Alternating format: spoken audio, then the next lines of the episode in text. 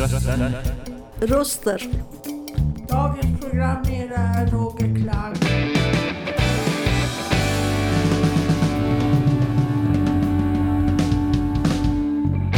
Dina röster i vardagen.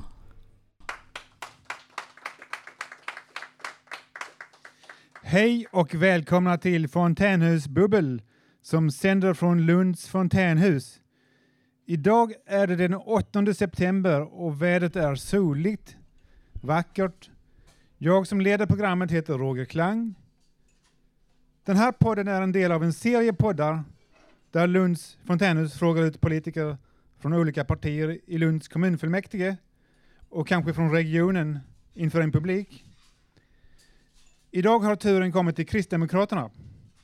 Vårt program varar i cirka en timme eh, i realtid.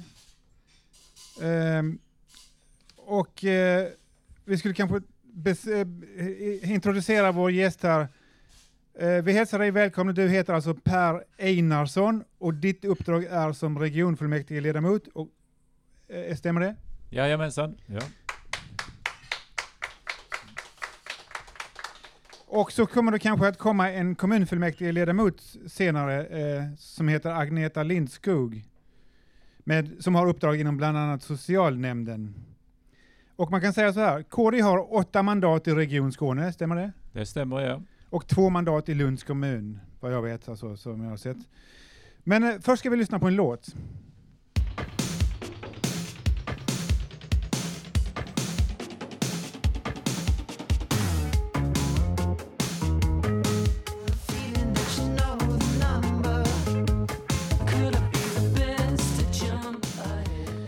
Vi lyssnar på Fontänbubbel och den här låten var, het, var, var eh, Tonight, hette Tonight av Phoenix Ezra König, om jag förstår det rätt. Okej, då går vi rakt på saken här då. Ni skriver på KD Skåne mycket om personalförhållandena, ekonomi och att ni vill avskaffa Region Skåne och förstatliga regionerna. På vilket sätt innebär det en tydligare ansvarsutkrävning? Varför blir det bättre om staten tar över ansvaret? Ja men det stämmer det. Förstatligandet av sjukvården. Och det vi säger det är att det finns ett systemfel idag. Eh, och det är ungefär som att eh, ett höghus har fullt med lägenheter. Och så behöver man göra ett stambyte eller byta ut alla elledningar, alla avloppsledningar och alla kommunikationsledningar. Eh, Det är lite så vi tänker här och då tänker vi att göra som ungefär Danmark och Norge har gjort på 2000-talet. Eh, vi har inte gjort någonting. Vi har lappat och lagat sedan 1860. Okej, men hur vill ni då göra med regiontrafiken? Ska all regional verksamhet förstatligas? Nej, vi är inte klara med alla detaljer så jag tänker åtminstone att man vågar utreda och se och vända på stenar som vi brukar uttrycka det. Att, att man vågar se var ligger systemfelet? Och skulle då kanske kollektivtrafiken bättre skötas av en kommun eh, åt en kommunförbund eller vad det nu handlar om. Men det är inte så att man i Stockholm ska bestämma över eh, våra eh, tung, tåg, eh, pågatåg och så vidare. Det, för det blir lite problem också om kommunen ska göra det, för att regionen, regiontrafiken går ju över hela Skåne. Ja, så är det. Och där är ju sam, samtidigt så har vi ju bussar i näst, jag tror alla kommuner. Så har man ju också bussar. Så att redan idag finns det ju en, en överlappning när det gäller resorna för att det ska fungera. Om man skriver avtal med Skånetrafiken. Och det är möjligt att Skånetrafiken eh, kommer att finnas kvar som den är. Det är eh, som sagt, jag tror vi måste, system, det stora systemfelet är inom sjukvården. Okej, ni vill införa en digital plattform för vårdvalet för KBT och PDT. Men hur ska man orka ordna med det när man, när man mår psykiskt dåligt? Nej men det är precis det det handlar om, att det är alldeles för krångligt idag. Och när jag mår dåligt så ska jag börja med att leta upp och så säger de nej vi har inte tid, eh, kom igen senare. Och så tittar man nästa och så hittar man, tittar man på nästa och nästa.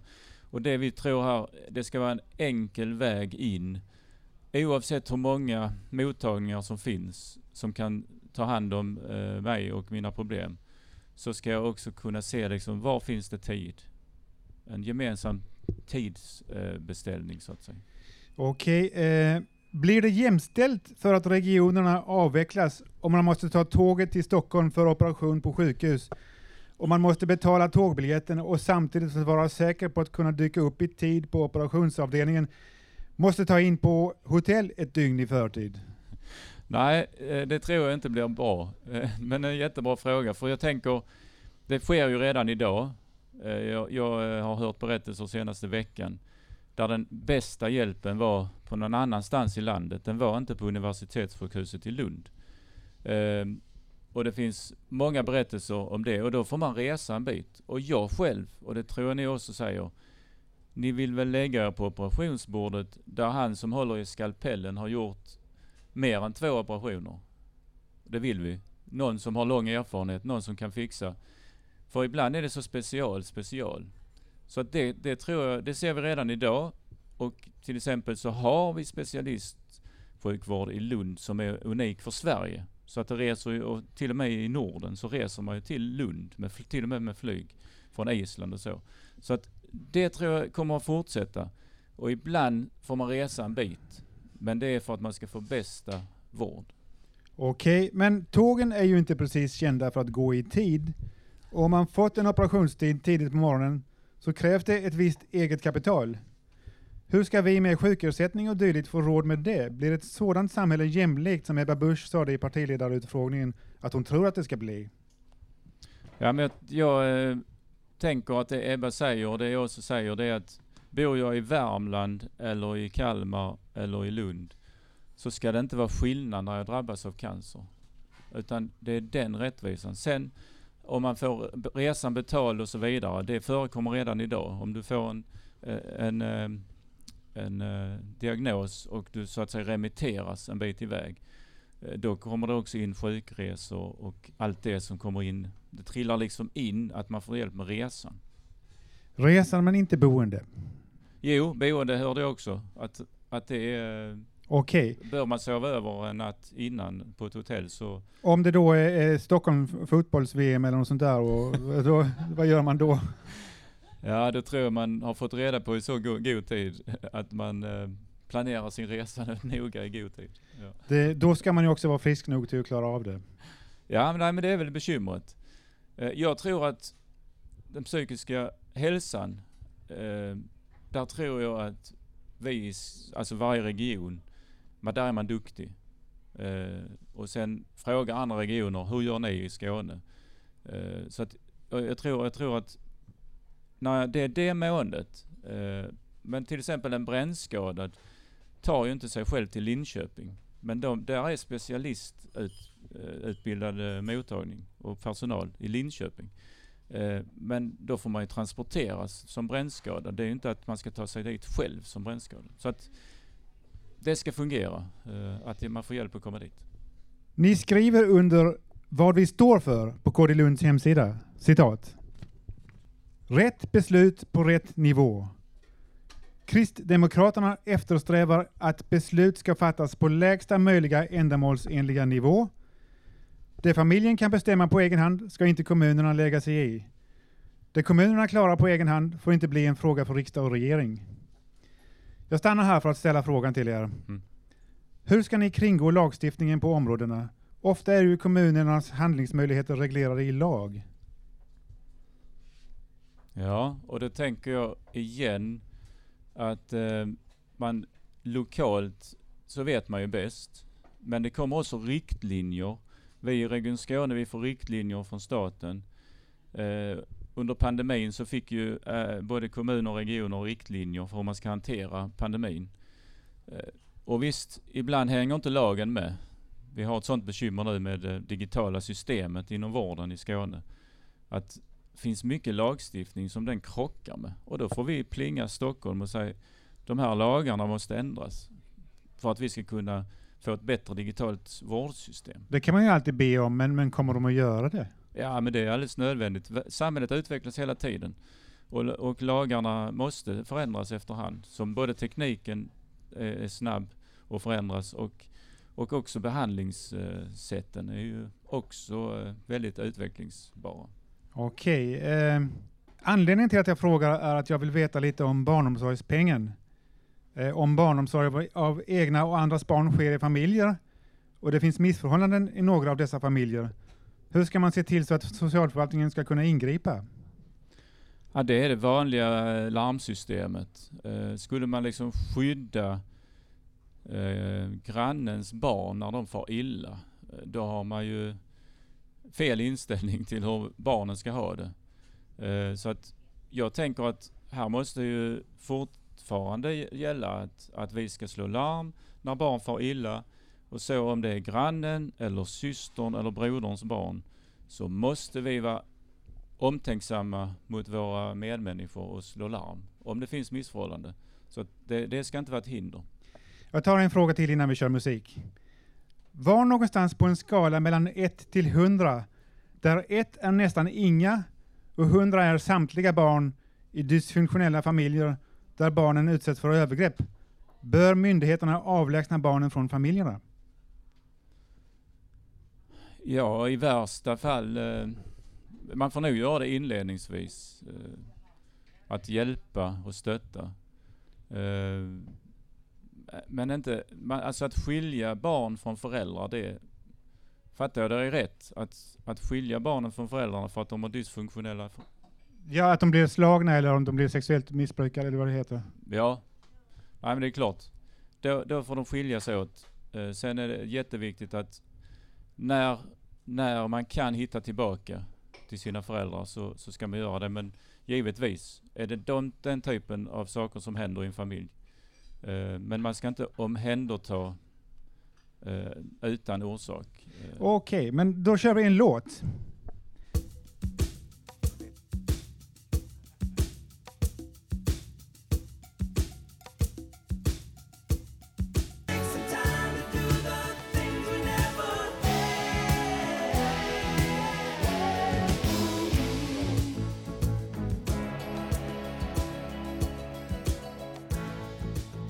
Ja, och du, ni lyssnar på Fontänbubbel. Det här var låten Africa av Toto. Eh, den här, det här var alltså din låt Per. Varför valde du den här låten? Ja men det var en sån, eh, när jag får den spontana frågan så eh, har jag så goda minnen från Lund. För en av de första konser- eller den absolut första konserten jag var på, det var Toto här på 80-talet. När de var i Lund. Eh, och det, eh, det är så fantastiskt musikaliskt. Och jag spelar själv trumpet och jag eh, älskar musik. Och jag tycker det är gott att få fram de här, eh, den här musiken. Sen, är, sen älskar jag ju Avicii och, och mycket annat också, modern musik. Men eh, nu blir det en gammal goding. Och den var också en väldigt populär låt, för vi tittade lite på nätet och den hade eh, en miljon visningar på, en miljard visningar förlåt, eh, på Youtube eller vad det var. Spotify, ja, streams, någon streamingplattform. Okej, eh, då, då undrar jag, eh, finns det något parti som ni inte kan tänka er att samarbeta med i regionen? Alltså vi eh, har ju fått göra så i Region Skåne det, denna mandatperioden att eh, vi har inte haft full majoritet. Så ibland har, eh, har vi fått stöd av socialdemokrater, ibland eh, av sverigedemokrater, ibland vänster och miljöpartister. Så att eh, vi har väl lärt oss det så att vi pratar med alla. Eh, Sen så vill vi att vi vill fortsätta regera som en allians, alltså den gamla idén med, med den där Det är sakfrågor som gäller eller?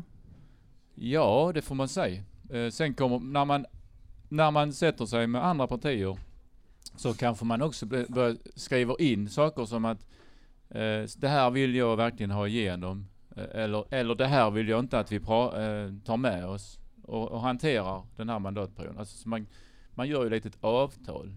Ja. Men sen ska man ju komma överens i så mycket man kan. Mm. Men alliansen, alltså Moderaterna, eh, Liberalerna, Centerpartiet, Kristdemokraterna. Det är det jag hoppas på. Det klassiska eh, blocket, ja, högerblocket. Ja. Okej. Eh, jag fortsätter med citat från KDs hemsida. På samma sätt ska inte EU styra det Sverige på mest ändamålsenliga och bästa sätt kan sköta själv. Det kallas subsidiaritet, subsidiaritetsprincipen och oftast innebär subsidiariteten decentralis decentralis la- decentralisering. Men ibland, ibland kan den medföra att beslut flyttas till en högre nivå. De stora miljöproblemen bekämpas exempelvis bäst på europeisk och internationell nivå. Slutcitat. Mm. Kan kommunen på något sätt bestämma hur miljöproblemen ska bekämpas på EU-nivå? Måste vi inte ta tag i miljöfrågan lokalt och arbeta oss upp emot implementering i EU, alltså i en omvänd ordning? Jag tror inte att EU kan lösa miljöfrågan. Nej, så är det ju att vi, det är från mitt lilla hushåll och sen är det ut hur vi hanterar vår miljö här. Det är hur vi hanterar Öresund, Östersjön, det som gränsar också till andra länder. Och då måste vi också prata med andra länder eh, om det. Så att det kan man säga, det är från det lilla och så ut till det stora. Eh, för att om vi hanterar eh, vattendragen här och så gör man inte det i Polen eh, eller i Tyskland. Alltså, det, det är det jag menar, man måste göra det tillsammans. Och, och då tror jag att Europaparlamentet, där har, kan man ha ett tryck på alla länder i Europa. Jag förstår vad du menar. Eh, jag tänkte inte på det själv, men det, det stämmer kanske. Det gör det säkert. Eh, man tänker också att eh, jordbruket i Sverige släpper ut en hel del eh, kväve, gödselmedel och sånt där alltså, i havet, i Östersjön. Där är vi en av de stora miljöbovarna har jag förstått. Hur ser du på det? Ja men det är ett bekymmer eh, och där, där har ju vi som livsmedelsregion ett ansvar även i det. Eh, man kan säga att djurhållningen, det, där har vi en av världens bästa djurhållning. Eh, och besprutning har vi också börjat prata mer om. Eh, vad som besprutas och inte besprutas. Men också att man, ni har kanske sett det, man plöjer inte jorden fullt ut längre. Utan man harvar den lite lätt och sen sår man igen. Eh, Så man vänder inte på jorden varje gång eh, till exempel. Och det tror jag också är ett sätt att den har sin egen näring och tillskott. Man behöver inte alltid tillföra eh, kväve, fosfor, kalium till exempel. Är det så? Ja, okej. Mm. Det visste jag inte. Eh, jag får köpa det då. Eh, är ni ett sekulärt parti? Ja, då får du ta eh, lite utvecklande fråga kring det. Om ni fick bestämma, skulle ni ta bort ordet krist i partinamnet Kristdemokraterna och ersätta det med något annat? Alltså visst får vi synpunkter på det, eh, men vi har i grunden eh, den kristna värderingarna. Och, och någonstans ska det väl förklaras att det är på den grunden vi står. Värderingsfrågorna är jätteviktiga idag. Eh, och jag tänker det att, eh, ja, några har beky- bekymmer med det och att det blir ett hinder att bli medlem eh, i Kristdemokraterna. Eh, men vi har också, eh, ja, en bra bredd på, eh, både på de som röstar på oss och som är medlemmar.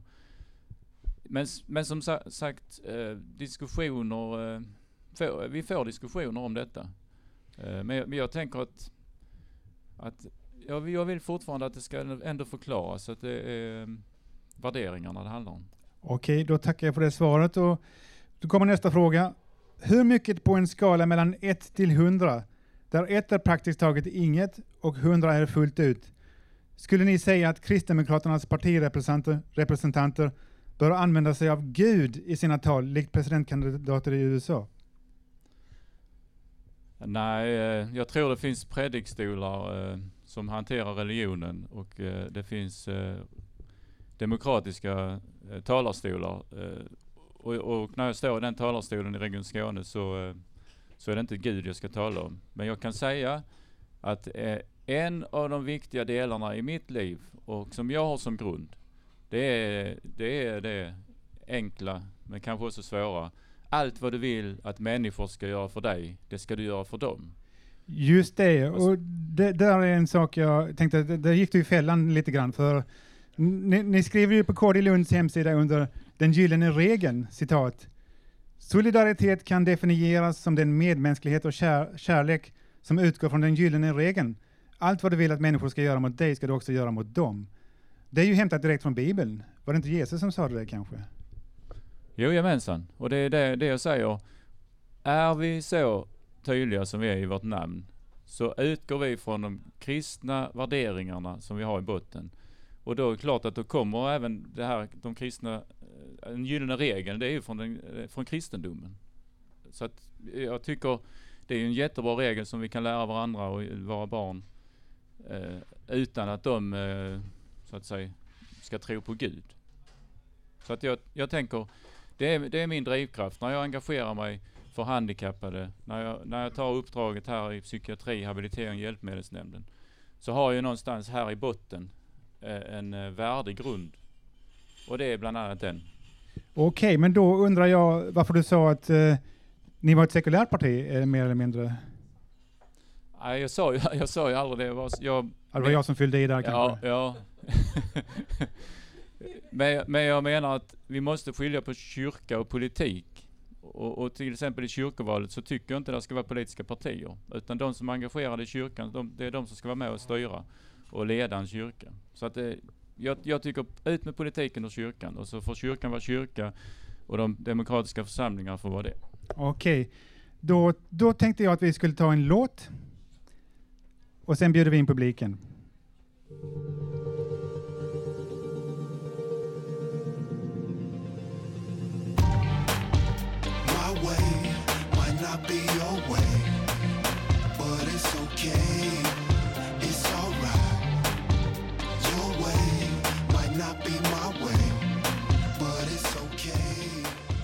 Ja, ni lyssnar på Fontänbubbel och det här var No Way As The Way av Dead Press. Och vi har en, en gäst här från publiken. Vad heter du? Ja, det är Eva Cecilia. Eh, Hej. Och jag har en fråga som är både teoretisk och eh, praktiskt. Teoretiskt, vilket tycker ni är den mest grundläggande och viktigaste frågan med klimatet och vad man kan göra åt det? Ja, den grundläggande frågan är ju att vi ska eh, lämna över någonting bra till våra barn och barnbarn. Eh, det- ska inte vara en förstörd eller utarmad eh, jord eller planet. Så att det, i grunden är det ju det och, och då finns det jättemycket saker som påverkar det. Jag tänker, jag tänker på eh, det här med att återställa våtmarker. Det pratas ju väldigt mycket om det nu i, med, i sociala medier. Eh, den praktiska frågan var, hur ser er budget ut för att det inte ska vara ett löfte endast? Ja, och där eh, råkar det vara så att min eh, kompis han jobbar med detta att eh, återställa våtmarker. Eh, och han, han har faktiskt eh, stått ute på åkrarna här i Skåne och sagt att eh, nu får ni skärpa till er i regeringen. För nu måste ni se nyttan av detta. Mm. Eh, och det var det vi pratade lite om kvävet och, och liksom hur man tar hand Allt om... som ja, koldioxider. ja. Men det jag tänker på också, det är vad kan man göra för att inte kriminalisera klimatkämpar? För uppenbarligen har ju klimatkämparna rätt i sakfrågan, men de blir påpucklade och kriminaliserade. Ja, men jag tycker ju ändå att eh, när det gäller lag och ordning så måste vi måste ha en ordning. Man kan inte limma fast sig på motorvägen. Man kan inte göra intrång i kärnkraftverk. Och, alltså, jag har en känsla av att det inte det- förstås, att inte... jag, tycker, jag tycker det måste finnas en ordning. Sen, sen kan jag vara jag är också engagerad för jag, förvaltarskapstanken är jätteviktig Mm. i Kristdemokraterna. Att vad är det vi förvaltar? Mm. Hur tar vi hand om vår jord? Vad är det vi lämnar vidare? Så att jag är också engagerad men jag gör det via demokratiska processer och samtal. Absolut. Tror du på Gud? Ja det gör jag. För jag själv tror på liksom planeten eller Gaia som en gud, gudinna. Ja, Okej. ja, Ja. ja. tack för mig. Tack så mycket.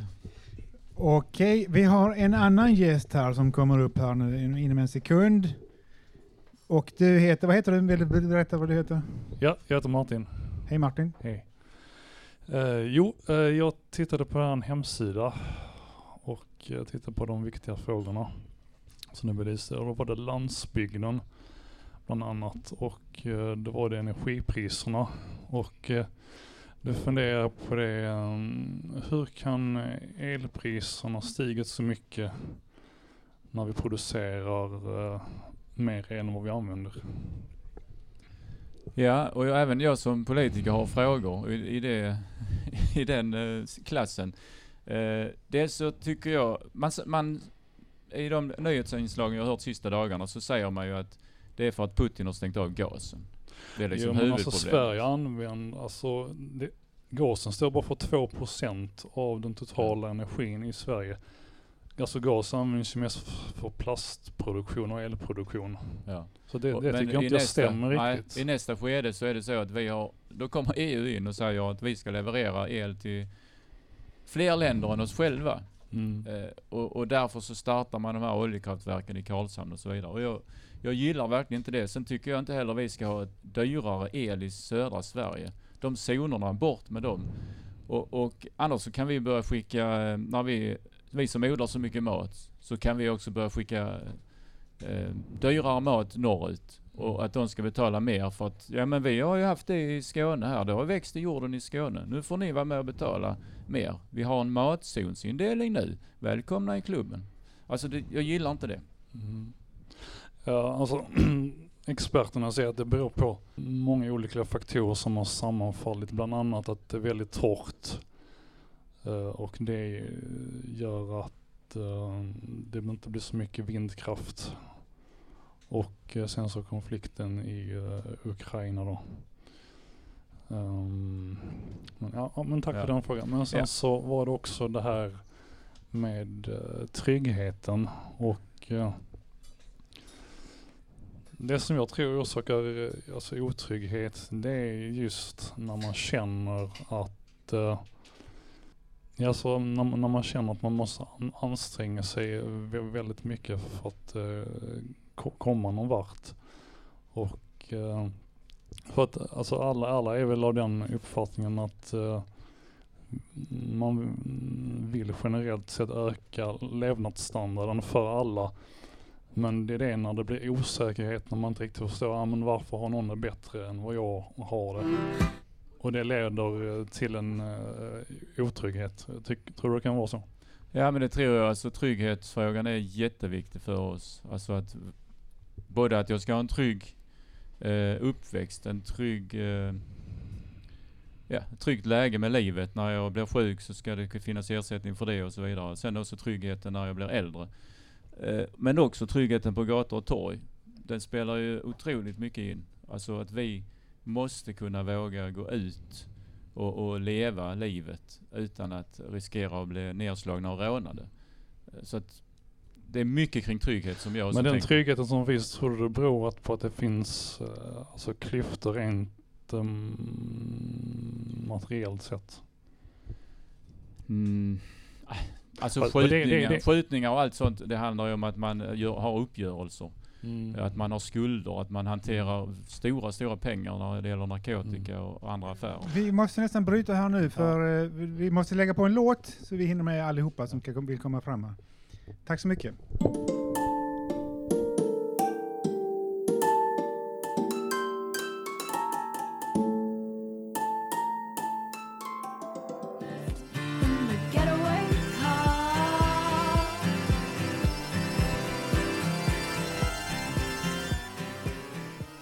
Ja, och det här var alltså Glasgow med eh, Jockstrap eh, av alla namn. Eh, ja, vi har en ny gäst här uppe. Vad heter du? Jag heter Olof. Eh, Hej, eh, jo jag har en fråga. Jag kollade ganska nyligen på, eh, det har ju kommit sådana här eh, förslag från olika håll, inte minst Socialdemokraterna, om eh, så här eh, obliga, obligatorisk förskola. Ehm, eh, då för barn från eh, tre års ålder. Vissa, vissa motionärer har till och med sagt två års ålder. Eh, ni har ofta argumenter, ni har argumenterat emot det på flera ställen, att ni tycker det är som princip att det är fel att inte föräldrarna får välja omsorg till sina barn. Men eh, samtidigt så har ni ju själva ju, ju, har, har en sån där regel nu, eller att ni, ni har ställt, ställt upp på en princip att eh, barn till nyanlända eh, ska ha, att det ska vara obligatoriskt för dem. Blir inte det för att de har svårt att lära och argumentet är att de har svårt att lära sig språket och svårt att komma in i samhället. Men blir det inte väldigt inkonsekvent, blir det inte väldigt uppdelat om det är obligatoriskt för en grupp men inte för den stora, så att säga? Med förskola. Ja, och jag tror den viktigaste delen där är att eh, mammor och pappor ska kunna välja om de vill stanna något år till hemma med sina barn, kanske få barn tätt och så vidare. Och, och det är en otroligt värdefull tid. Och jag tror att mammor och pappor vet väldigt väl att de är den första tryggheten.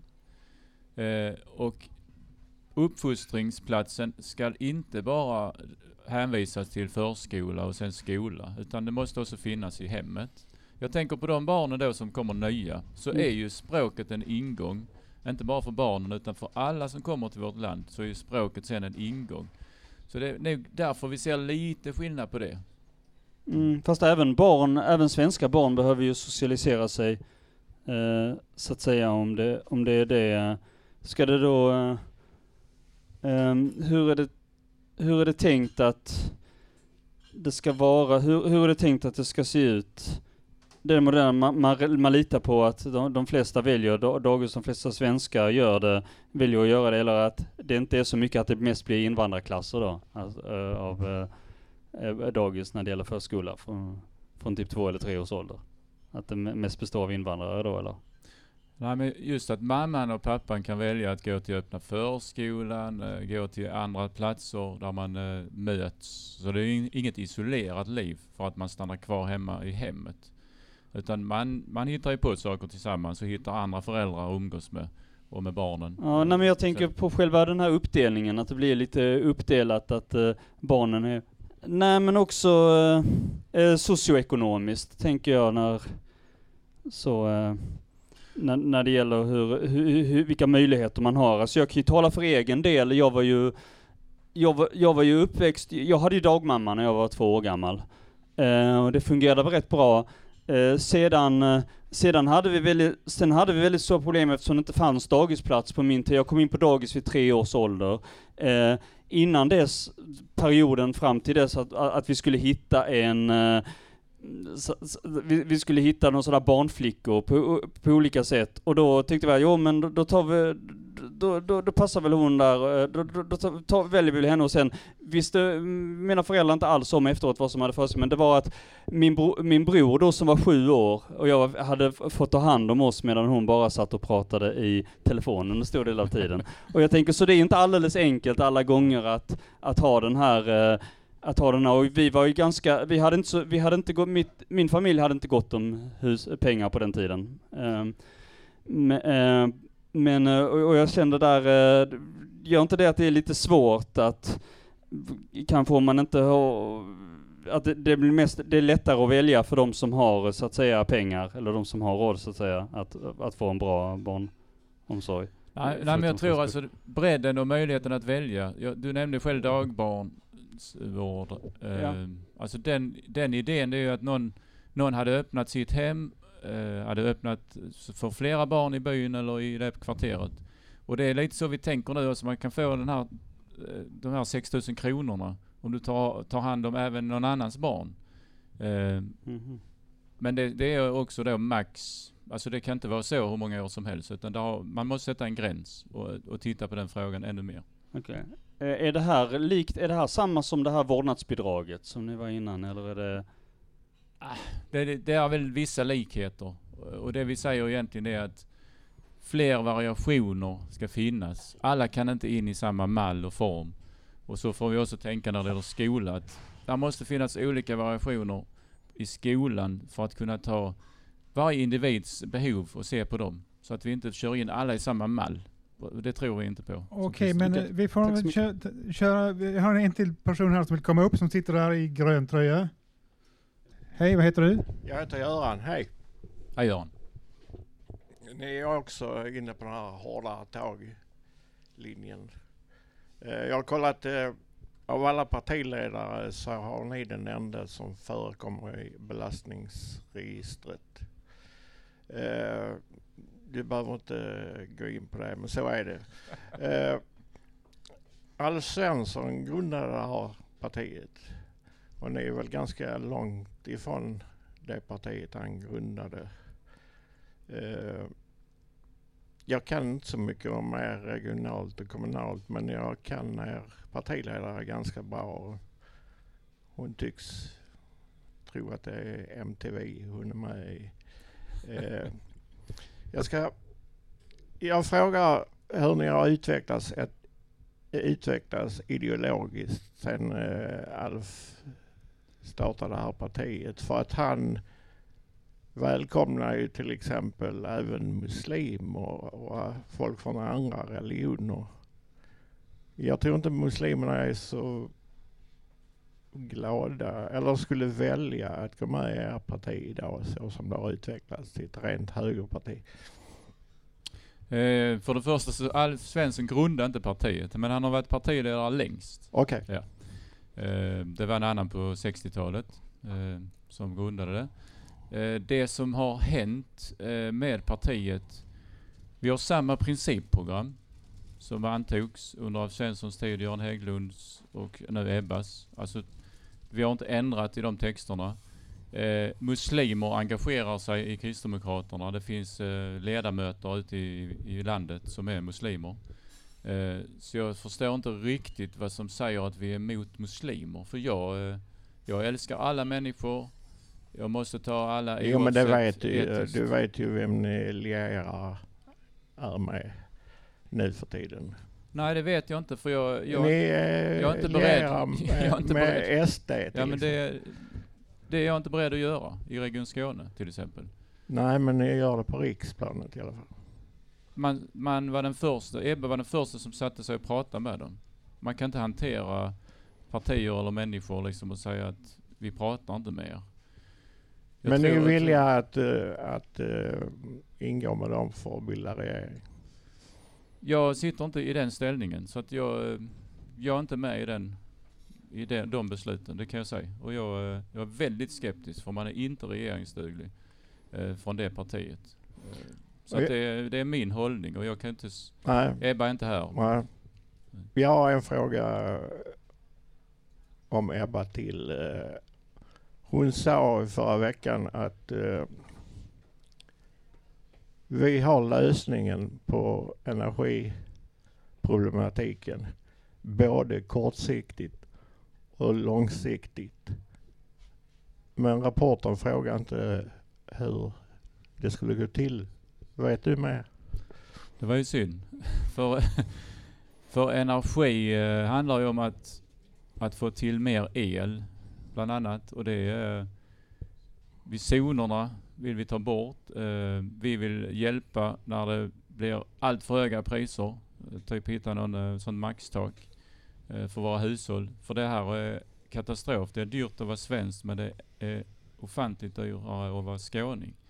Och så kan vi inte ha det. Så att jag tror hon är inne på det. Plus att vi också tycker att det är tråkigt att man har stängt ner kärnkraftsreaktorer som faktiskt är kapabla att fortsätta. Men ni var med och avreglera elmarknaden? Ja, det är, det är möjligt. Men, jag, men den läget vi står i idag eh, så, så måste vi hantera det genom bland annat det jag har nämnt.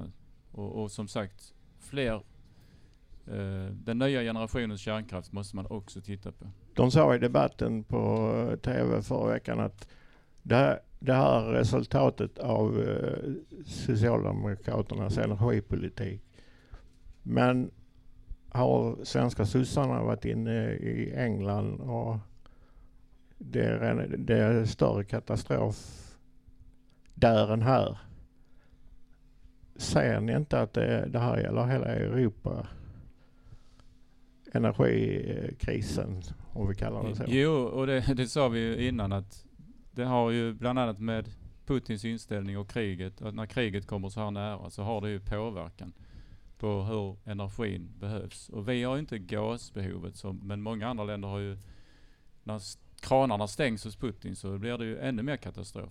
Så vi, vi har ett gemensamt ansvar. Det är det jag sa att Europa kräver också av oss att vi borde, vi ska leverera till fler länder. Och nu är ju inte Storbritannien en del av EU, men i alla fall. Eh, vi har en till gäst här. Vad heter du? Du kan komma fram här om du vill. Hej, Hej. Madeleine heter jag. Eh, hej. Eh, jag har en fråga som egentligen är nationellt men även regionalt och även kommunalt. Ehm, vi ehm, ehm, har bostadsbidrag som, är, eh, som man kan söka när man är eh, under 29 år eller när man är en barnfamilj och eh, kanske inte har, har råd ehm, till en full hyra och så vidare. Ehm, problemet är att den hyrestaket har inte höjts på 26 år. Så än idag har vi en hyra, vi säger för en barnfamilj som har ett barn, får ha en hyra på 5 200 kronor som räknas in inklusive då vad man tjänar. Så resterande del räknas inte in. Har man tvåbarnsförälder, eller tvåbarns, eh, och, och då är det 5 900 kronor. Och det här har inte gjorts vi som sagt på 26 år, så vi har fortfarande 1996 års hyra. Ehm, och september för ett år sedan så kostade staten 2,5 gånger mer med ROT och RUT-avdrag än vad bostadsbidrag gör. Och då blir det ju samhällsklyftan blir ännu större nu. Och jag vill bara veta om ni Kristdemokraterna har, är medvetna om det här stora problemet. Ja, nu blev det en sån där typisk eh, riksdagsfråga och riksfråga. Eh, jag blir besviken eh, när jag hör att det har funnits så länge. Alltså att man grundar sig på så gamla siffror. För det har ju hänt väldigt mycket på de här 26 åren. Ja. Så att det, det första jag säger det är att jag blir besviken. För kan, så kan man inte räkna idag. För det vet vi, inte bara elen utan allt har blivit dyrare. Och bygger vi nytt i Region Skåne eller vem som bygger det eller privata här så är det ju enormt kvadratmeterpris. Så att jag tycker det var, det var en tråkig sak du nämner. Men jag har inte Mm. kommit i kontakt med den innan. Nej, men nu när ni är medvetna om det regionalt, är det någonting ni kan påverka så att det kommer till nationalt? Ja men jag har eh, vänner som är, sitter i riksdagen. Mm. Och, och här är ju, Mm. jag tycker det är jätteviktigt att vi har ett skyddsnät i vårt land. Som fångar upp när vi, när vi hamnar i den här situationen att vi behöver ett extra stöd. När inte allt är på topp. Så måste det komma underifrån. Och det nätet, när det fälls ut så ska det också vara liksom rätta siffror och rätt, alltså från verkligheten måste man ju räkna. Till Mm. exempel på hyrorna. Mm. Det gör man ju på mat och annat. För att psykisk ohälsa, alltså det påverkas mycket som ekonomin. Eh, och har man inte ekonomi och man är under en oerhörd press och stress för det här under lång tid, eh, det kan ju ge bestående men. Eh, så att därför är det jättebra att ni också tänker på att, eh, för det här, det här är ju förebyggande ju, för Ja. att inte det ska ske. Helt klart, jag är jätteglad du nämner det för det, det är så det måste funka. Mm. Okej, vi fick ingen riktigt svar på den frågan för eh, eh, eh, han var inte riksdagspolitiker, men eh, vi, vi tackar för det. Vi har en person till här som vill komma upp som kanske vill säga vad han heter. Ja, hej, Jan heter jag. Jag kommer ställa samma fråga som jag har ställt till alla som har varit här. Eh, eh, den här boken, Det nya livet, eh, den kom Fredrik Reinfeldt ut med när han lämnade sitt uppdrag som statsminister. Ja just det, jag ska hålla i den ja. Det var 2016. Och det finns ett av kapitlen som heter så här, Går du till jobbet imorgon? Och då ställer han frågan om det är tanken att maskinerna ska ersätta människorna. Och det är ju framförallt farhågorna med digitaliseringen som man problematiserar. Så jag, så jag, und- jag har alltid undrat, så här, måste man vara pensionerad politiker för att våga kritisera digitaliseringens framfart? Och sen en, en, en följdfråga på det. Digitaliseringen driver ju sen på konsumtionen som ligger till grund för klimathotet mot vår miljö. Så det är inte bara digitalisering som utanförskap, utan att den faktiskt gör någonting med våra sinnen och hela vår... Så, så jag vill bara höra lite allmänna reflektioner. Det här är ju stora frågor, men ändå, det är, det är viktigt. Ja men det är intressant eh, och nu har jag inte läst boken eh, men eh, ibland så rusar det ju på om man är statsminister eller partiledare så rusar ju det på eh, enormt och de reflektionerna, ja det är intressant att han gör dem efteråt. Jag har redan gjort reflektionerna fast jag är mitt uppe i politiken och vi säger det i vårt partiprogram i Region Skåne att, att det utanförskapet måste vi hjälpas åt med så det inte blir ett utanförskap. Till exempel så, så eh, ska det alltid finnas alternativ till att boka tider inom vården, eh, kontakt med vården. Man kan inte bara säga att alla ska in på 1177, alla har en dator, alla ska liksom, och det är det du är inne på. Utan när jag lyssnar på funktionshinderrörelsen, som jag träffar regelbundet tack vare mitt uppdrag, eh, så har jag fångat upp bland annat detta som en viktig del. Eh, även det här med bank-id. Alltså att det krävs i så mycket. Det är en fantastisk uppfinning. Men det, det funkar inte för alla.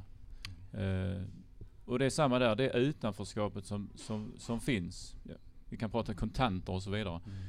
Det, eh, det måste vi vara med observanta och, och bromsa. Och som sagt, hitta alltid alternativa vägar för våra medborgare. Men nu måste jag säga så här, det är ju den ena saken som alla politiker säger. Det är ju inte det som Reinfeldt pratar om. Han pratar ju om vad det gör med oss. Är det jobben som försvinner? Hur känner, upplever vi stressen av detta, dessa eh, grejer? Och det är inte bara som privatperson. I Tyskland kommer det flera rapporter om technostress på jobbet, på arbetsplatsen. Alltså företagen sliter med det, privatpersoner i ännu högre grad. Och då handlar det inte om utanförskapet. Och sen då att det är sån tillväxt-hype, att det ska skapa mer tillväxt. Och sen har vi miljön på andra sidan som ju då är, driver på detta. Det är den kopplingen som jag gärna skulle vilja se. Det är få som vill se det. Och så pratar man miljön som att det vore någonting isolerad företeelse. Det är ju inte det. Det hänger ihop med vår konsumtionslivsstil. Vi måste ju sluta konsumera.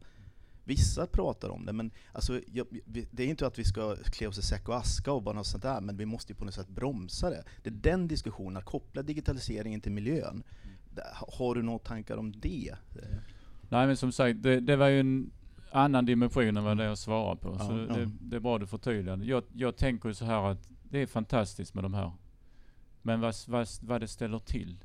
Vad är det, det sista våra barn och unga ser innan de somnar? Ja det är detta. Och det är kanske inte det roligaste att läsa och se. För man, ska, man jämför sig. Och det första de ser när de vaknar. Alltså det här skärmsamhället. Mm. Jag tror det är det. Där är faran. Och du är helt rätt inne på det. De som tillverkar den här och algoritmer och allt vad det heter.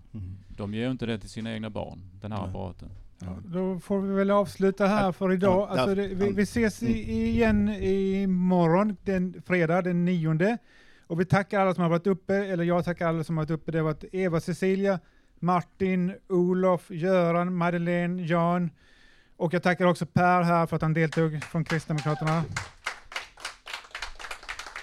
Tack så mycket och jag är jätteglad. Alltså jag har fått vandra runt i detta huset. Eh, Jag har besökte det gamla huset men detta här var ju helt fantastiskt. Vilken möjlighet ni har. Och jag ser att den här idéburna delen i samhället, jag ser att den måste bara bli större. Och vi ser det i vår, vår nämnd i Region Skåne. Att det här med att få vara med, med, i- med medinflytandet, att det finns med. Att era erfarenheter hjälper andra.